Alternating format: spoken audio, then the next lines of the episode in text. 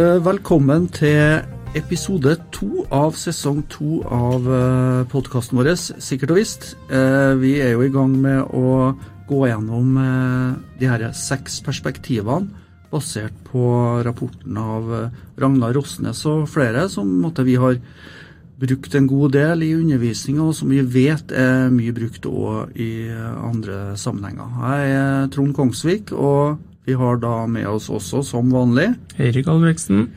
Og i dag skal vi snakke om perspektivet energi-barriere. Eh, ja, og det er jo et perspektiv som ja, Kanskje er det den tenkinga her som vi skal si litt om nå, som er mest brukt i, i hvert fall på en praktisk eh, sikkerhetsarbeid, praktisk sikkerhetsstyring.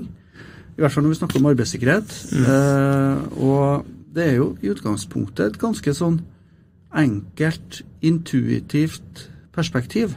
Det er jo det. Og det er kanskje det eneste perspektivet som tar for seg litt sånn direkte årsaker til hvorfor ulykker oppstår. Så skal vi i løpet av episoden her prøve å bygge det på, sånn at det her får et perspektiv med organisatoriske uh, ulykker. Mm. Så utgangspunktet her er jo at vi forstår en ulykke som energi på avveie. Altså at man har en strøm av energi som gjør gjør skade. Mm. Og jo mer energi, jo mer skade. Ja. Og så er det måten den energien blir absorbert av et offer. Altså her er jo litt sånn Som ingeniør da, så kan jeg jo ta litt sånn fysikk her, nesten, sant? Ja. med termodynamikk og Newtons ja. lover og sånn. Så det, ja, det termodynamikkens første lov som sier at energi ikke kan, eh, kan forsvinne. Mm. Så det betyr at hvis jeg får energipåkjenning på meg, så tar jeg opp den energien mm. som indre energi, og så gjør det skade på ja molekyler atomer i kroppen min. Ja. Så klart, Jo mer energi jeg tar imot, jo større ja. skade vil det utgjøre. Og så er det. Newtons lov tre her med kraft og motkraft som gjør at skade oppstår. Da. Og så, og energi kan ikke forsvinne, den blir bare omdanna til en annen form. Ikke sant, riktig. Mm. Så eh, det er klart, og da, det finnes jo mange forskjellige energiformer òg, som mm. uh, kan gjøre skade på sin måte. Det er jo lett kanskje å tenke på bevegelsesenergi og potensiell energi, men det kan jo være varme, mm. eh, kjemisk energi, biologisk mm. energi. Mm. Lyd er en form for energi, det òg. Ja. ja. Stillingsenergi er jo f.eks. hengende last. Hengende last, kinetisk bevegelsesenergi, kjøretøy, bevegelse. og mm. Det er lett å forestille seg her, som jeg sa, med mengden energi betyr noe. da, så Jo høyere fart et kjøretøy har, jo større energi har det. Så det, ja. Man kan jo se for seg at det forskjell å bli påkjørt av en bil som kommer i 30 km i timen, sammenlignet med en som ja. kommer i 100 km i timen. Ja. Nei, og så er det jo, I dette perspektivet så kan vi jo kanskje si at det er tre hovedbegrep. Det ene er jo på en måte farekilde, mm. som vi har vært innom. Det er, Vi kan jo kanskje tenke på en farekilde som energi som potensielt kan komme på avveie. Mm. Energikilde, ja. Og så har vi det andre begrepet barriere selvfølgelig, da. Mm. Eh, som eh, er en eller annen type innretning som kan absorbere eller avlede denne eh, energikilden. Mm. Og så har vi det tredje, eh, det sårbare målet, eller offeret. Det kan jo både være folk, og det kan være andre typer verdier, materielle verdier også. Mm. Så det er jo de tre hovedbegrepene. Farekilde, barriere, sårbare mål eller mulige offer. Mm. Og da er det jo lett å tenke på det her med Hatten sine strategier, ja. som er Ja, vi bruker jo det mye i, i undervisninga òg. Mm. Og det, det, er jo det er ganske gammel teori der òg, fra 60-70-tallet. Hednan er vel epidemiolog, epidemiolog i ja. utgangspunktet, altså, som mm. studerer forekomst av helseproblemer i en befolkning, og hvordan det håndteres.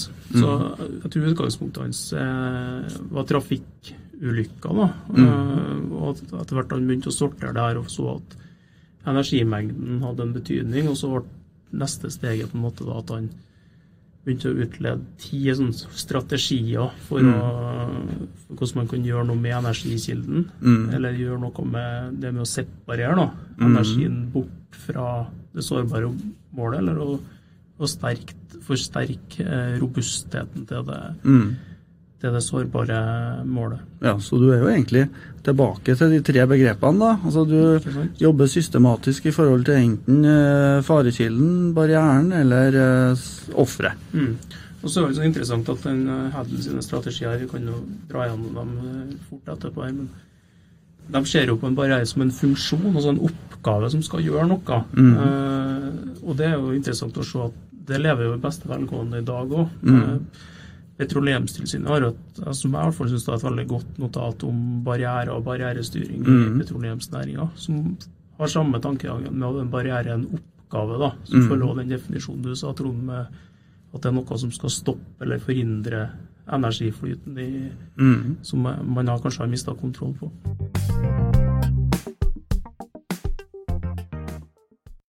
Skal vi se litt på Hedden? Ja, vi kan dra dra gjennom bare, dem uh, raskt, da. Uh, for la oss si uh, Hvis man tenker ulykkesforebyggende strategier som er relatert til farekilden, da, så mm. kan jo det handle om å unngå oppbygging av energi i utgangspunktet. Mm. ikke sant? Altså, ja. Hvis en tar uh, eksempelet med bilkjøring, da, så kan man jo selvfølgelig unngå å kjøre bil i det hele tatt. Da er man jo ganske trygg. Ja, Eller uh, unngå arbeid i høyden for å unngå ja. fare for at man, altså den potensielle energien man blir utsatt for. Da. Er det andre måter man kan jobbe på som, ja. uh, som gjør at man unngår å jobbe i høyden, f.eks.? Mm.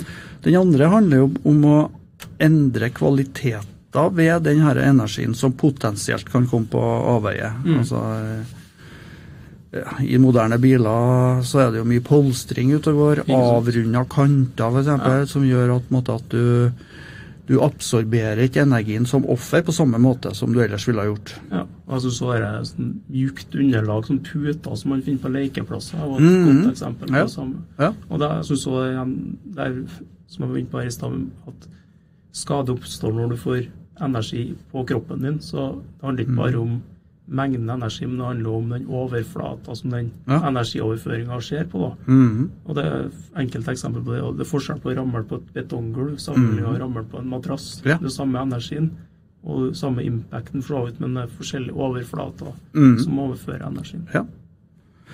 Og så har du selvfølgelig det å redusere mengden energi. Altså rett og slett uh, redusere fart. Det er jo på en måte en eh, veldig mye brukt strategi innenfor trafikksikkerhet, f.eks. Det er jo fartsgrenser og innenfor 30-soner der man vet det kan oppstå mye ulykker osv. Mm.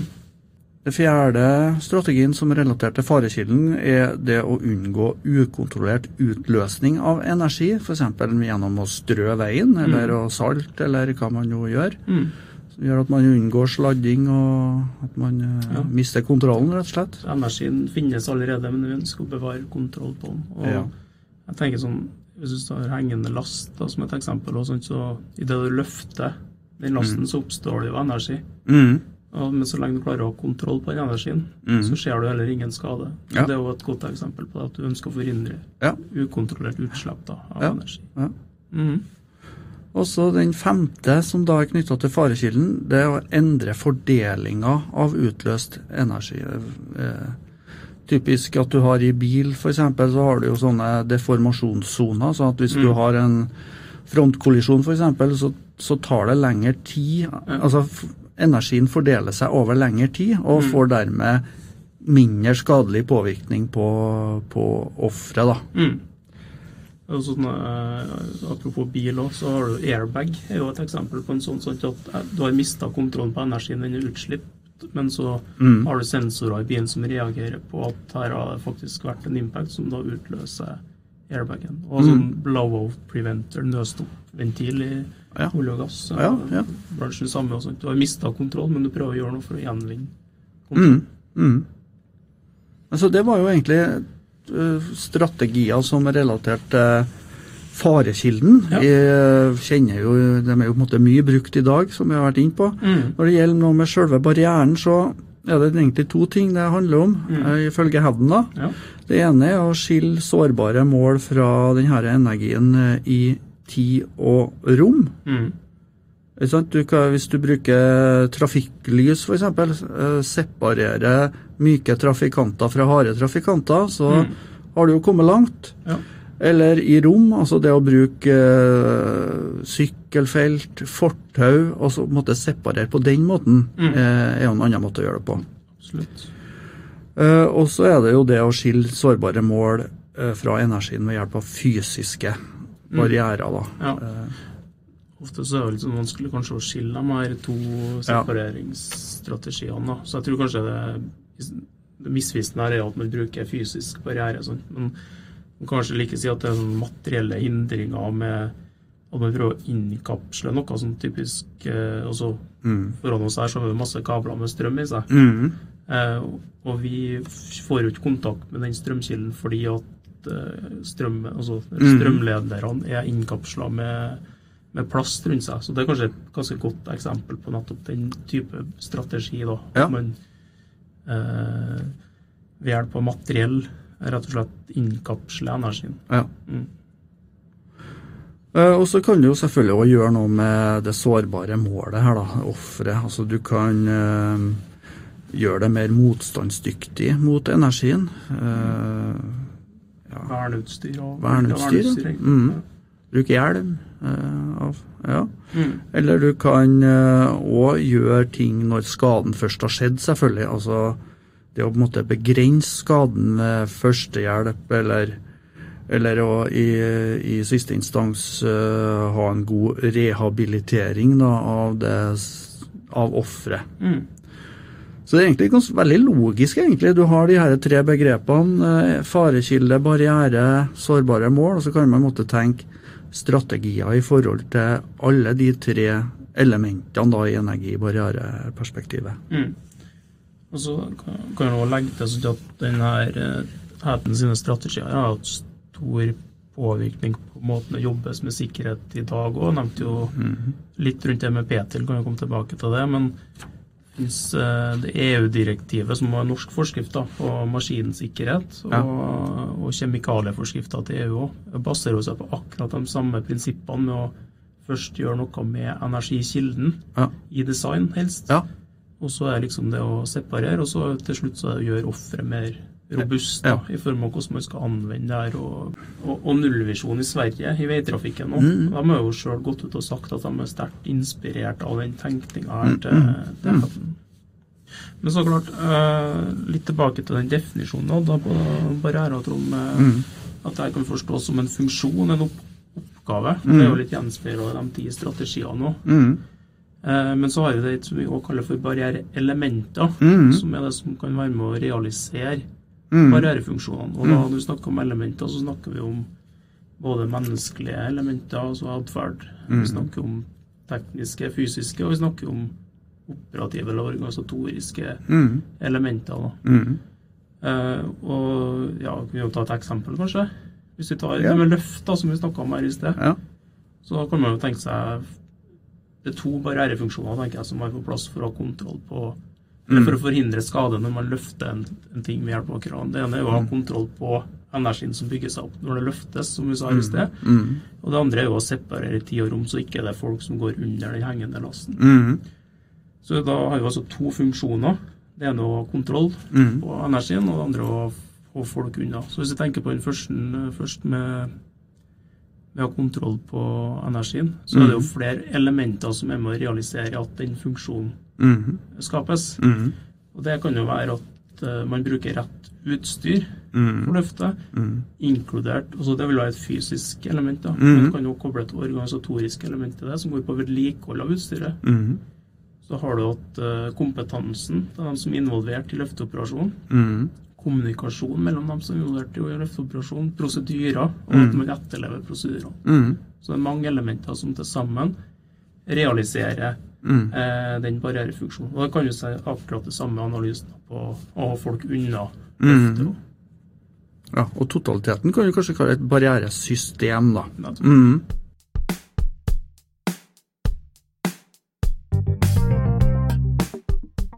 Nei, men eh, også er det jo et annet Vi har jo så langt snakka om på en måte eh, barrierer, barriere i entall, på en måte. Men ja. det er jo det her prinsippet med forsvar i dybden ja. som vi måtte kjenne igjen egentlig fra ja, ulike bransjer. Mm. Eh, petroleum, f.eks. Mm. og tankegangen der er jo på en måte at eh, du setter flere barrierer egentlig etter hverandre. Mm. Sånn at hvis én barriere svikter, så er det en annen barriere i bakkant som på en måte kan fange opp denne energien mm. på, på, avveie. da. Ja. Uh, og der, uh, altså f.eks. når det gjelder uh, ja, på en oljeplattform, da, mm. så er man jo opptatt av at gass ikke skal komme på avveie, f.eks. Så har man jo for det første kontroll på prosessen, altså ja. produksjonsprosessen. man har tennkildekontroll. Uh, og hvis uh, ulykka likevel skulle være ute, så har man jo brannvarslingssystemer, nødavstengningssystemer. Man har aktiv brannbekjempelse, og man har til sjuende og sist uh, evakueringsmuligheter. Sånn at det er flere ting her da, som på en måte bidrar. Så Sånn sett så, så, snakker vi om forsvar i dybden. Mm. Og da er vi jo over egentlig på den kanskje den mest berømte beste modellen innenfor sikkerhetsfaget, nemlig sveitserostmodellen. Ja, hender at vi sitter i en ja. sikkerhetspod og plutselig kan snakke om mat. ja. Fordi jeg er Hellstrøm og ja, Truls. Ja, nei, men eh, den sveitserostmodellen er jo veldig kjent blant praktikere òg. Altså en veldig sånn, populær modell, og det er sikkert flere grunner til det. da. Men det, en grunn er sikkert at den er enkel å forstå. Den er mm. grafisk enkel. Ja enkel fremstilling av, eh, av et mulig hendelsesforløp, egentlig, da, som er veldig i samsvar med det vi har snakka om til nå. At du har en ja. energikilde som kan gjøre skade på et offer, men at du har osteskiver da, som barrierer i midten. Ja. Eh, og så er det en grunn til at det kalles sveitserost. Ja. Jeg vet ikke om det er sånn at alle sveitseroster har hull i seg, men jeg tror det. Jeg, jeg tror det, altså. det, er godt ost, ja. men så inn i osteverdenen. Men Jarlsbergost da, kan man kanskje sammenligne med det i norsk sammenheng. Så ja ost med hull i. Ja. ja. Og Da er jo tanken at de her osteskivene pga. de hullene da, at det er svakheter i barrierene som kan føre til at uh, ulykker skjer. Mm. Sånn at den her, Sjøl om du har forsvar i dybden, altså at du har flere barrierer etter hverandre, så kan det være hull i alle skivene som gjør mm. at en farekilde, en energi på avveie, trenger gjennom alle osteskivene. Mm. Altså det er et uh, sammenfall av flere uheldige omstendigheter. da. Mm. Så kan man jo tenke seg det at de hullene da, i osteskivene, de oppstår, sånn som Reason eh, utlegger det i hvert fall, enten pga. noen aktive feilhandlinger, det at man faktisk gjør en feil, mm. eller eh, det handler om det han kaller latente forhold. Da. Altså, mm. Altså, det kan jo være eh, feil i design, at man måtte ha montert en ventil feil, eller en pakning feil, eller, mm. eller det kan handle om kompetanse også, som er mer et sånn organisatorisk forhold, som, eh, som, på en måte bidrar til å skape hull i osteskivene. Og hvis du har hull i alle osteskivene, eh, enten pga. aktive feilhandlinger eh, og eller eh, latente forhold, så kan ulykkene skje. Mm. Så ulykker skjer som, en sam, uh, skjer som en samtidig svikt i flere barrierer. Altså. Mm. Så Reason da, som er bak den sveitserostmodellen, er jo den mannen som er bak den organis Organization Accident Model, organisatoriske uh, ulykker som Ragnar Rosnes var inne på i ja. første episoden her om uh, perspektivene. Den, det ligger jo i tittelen på den rapporten Six Perspectives òg. Og kan ta en kort repetisjon av det, at med organisatoriske ulykker så er det, det er ulykker som har komplekse årsakssammenhenger. Er ofte flere folk involvert. Så det, mm. til forskjell fra en sånn individuell ulykke, arbeidsulykke, der det er få involvert, og det er mm. enkle årsakssammenhenger. Men, men det, jeg syns den liker jo den modellen ganske godt. da, mm. At den kobler sammen barrieretenkning med menneskelige feilhandlinger, påvirkende faktorer på et organisasjonsnivå og, og rotårsaker, mm. som da er de mer latente feilene som du, ja. du snakker om òg. Ja. Som igjen da kan være med å forklare òg, litt samme som vi snakka om her, med at det er elementer på både individnivå, organisatorisk og teknologisk nivå som er med å realisere barrierefunksjonene og dermed gjør hullene enten bort eller mindre da, i, ja. i osteskiva. Ja. ja. Nei, så Det er et veldig egentlig mye brukt perspektiv også i dag, selv om måte, den, det har en Absolutt. historikk. Ja. Og vi ser det jo, altså Når man bruker det i granskninger f.eks., så er det jo mm. en del spørsmål man søker svar på, egentlig. Mm. Altså hvilke barrierer hadde man som skulle forhindre og begrense eh, konsekvensene av denne type ulykker? Mm. Eh, var det barrierer som mangla? Mm. Eh, og som burde ha vært etablert, f.eks. For i forhold til krav man har sjøl, eller som eh, myndighetene krever. Absolutt. Uh, og så vil man jo gjerne på se selvfølgelig da, på hvilke barrierer har svikta, men kanskje også hvilke barrierer som har fungert som forutsatt. Mm. Og så er det jo da òg i en granskning uh, veldig aktuelt å se på hvordan er det barrierene har svikta. Dvs. Si hvordan aktive feil har vært involvert, forglemmelser, mm. prosedyrebrudd osv. Og, så mm. Eh, og hvordan latente feil kan forklare det her. altså Designsvakheter, dårlig planlegging, eh, opplæring, trening osv. Så, mm. så Så det er jo den type spørsmål som man søker svar på, ser vi jo eh, ofte i granskninger. Ulykkesgranskninger. Ja, og det er jo på en måte når vi, vi snakka om det her i den granskningsepisoden vi hadde i sesong én, med at man har på en måte et hierarki av årsaker når man gransker, og da vil jo barrieresvikt være helt på toppen der, sammen ja, ja. med mer sånn avvik i forhold til hvordan ting normalt sett gjøres. da, og det, det tror jeg var et viktig perspektiv å ta med seg inn der når vi snakker om barrierer. Da, at barrierer er jo på en måte noe man får bruk for når det er kaller rusk i maskineriet. Altså ting mm. er ikke som normalt. Mm. For så lenge ting går normalt og etter planen, så har man antageligvis òg kontroll på energien. Mm. Så det er jo liksom når man begynner å miste kontroll på energi, at egentlig barrierene kommer inn og har en betydning. Ja.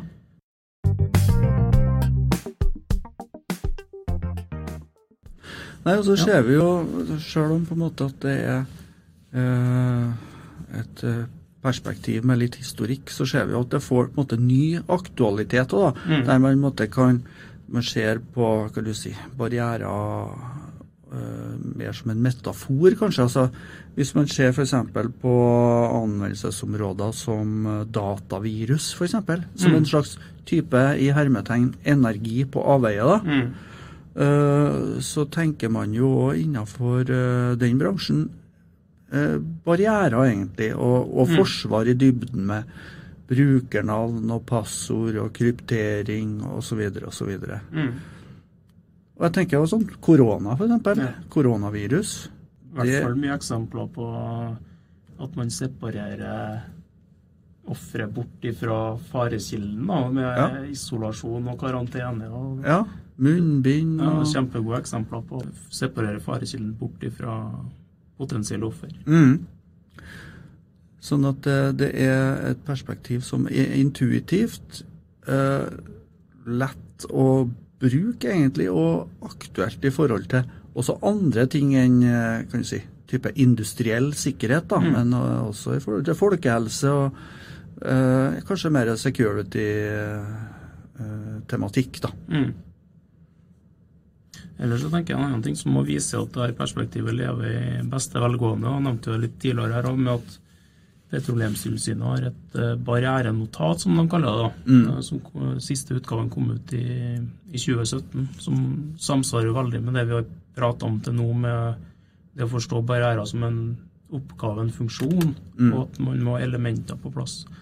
Og så synes jeg er, Det er jo et interessant notat, fordi at de må legge vekt på det her med barrierestyring. Mm.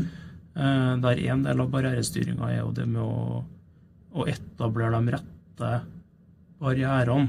Eh, og de kobler veldig tett til risikostyring og ISO 31 1000. At du må finne ut hva, hva risikobildet ditt er, og evaluere hva som er de kritiske risikoene. Og så vil risikoreduserende tiltak vil være å, å sette inn barrierefunksjoner. Da. Mm. Og som en del av det så må du òg etablere Eh, eller identifisere hvilke elementer trenger du for å etablere de barrierefunksjonene. Mm. Og så har de et interessant tillegg da, egentlig i forhold til hva vi har snakka om nå, det her med at de også vil identifisere ytelseskrav og ytelsespåvirkende faktorer. Og Det mm. henger litt sammen med den reason-tenkinga vi har mm. snakka om, sånt, med at det er faktorer i omgivelser som påvirker hvorvidt du har hull eller ikke hull da, i sveitserosten din, rett og slett.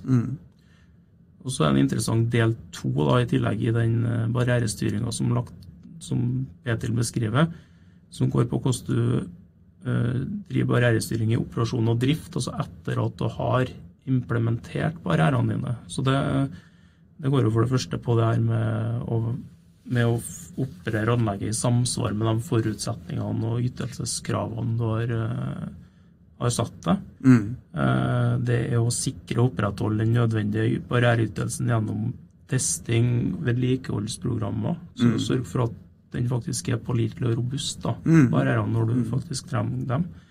Og så har de òg det her med at du må måle og monitorere kvaliteten på, på barrierene. Det kan jo være så enkelt som inspeksjon sant, av en mm. uh, ventil, om den faktisk er som en, mm. om den skal være. Eller det kan jo være også, forskjellige typer indikatorer. Mm.